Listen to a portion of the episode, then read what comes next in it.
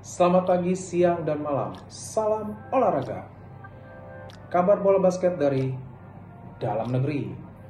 Timnas Putri Bola Basket Indonesia sedang melakukan training camp di Surabaya dalam rangka persiapan FIBA Women's Asia Cup 2021 Divisi B yang akan diselenggarakan di Jordania November mendatang. Selanjutnya rumors dari NBA.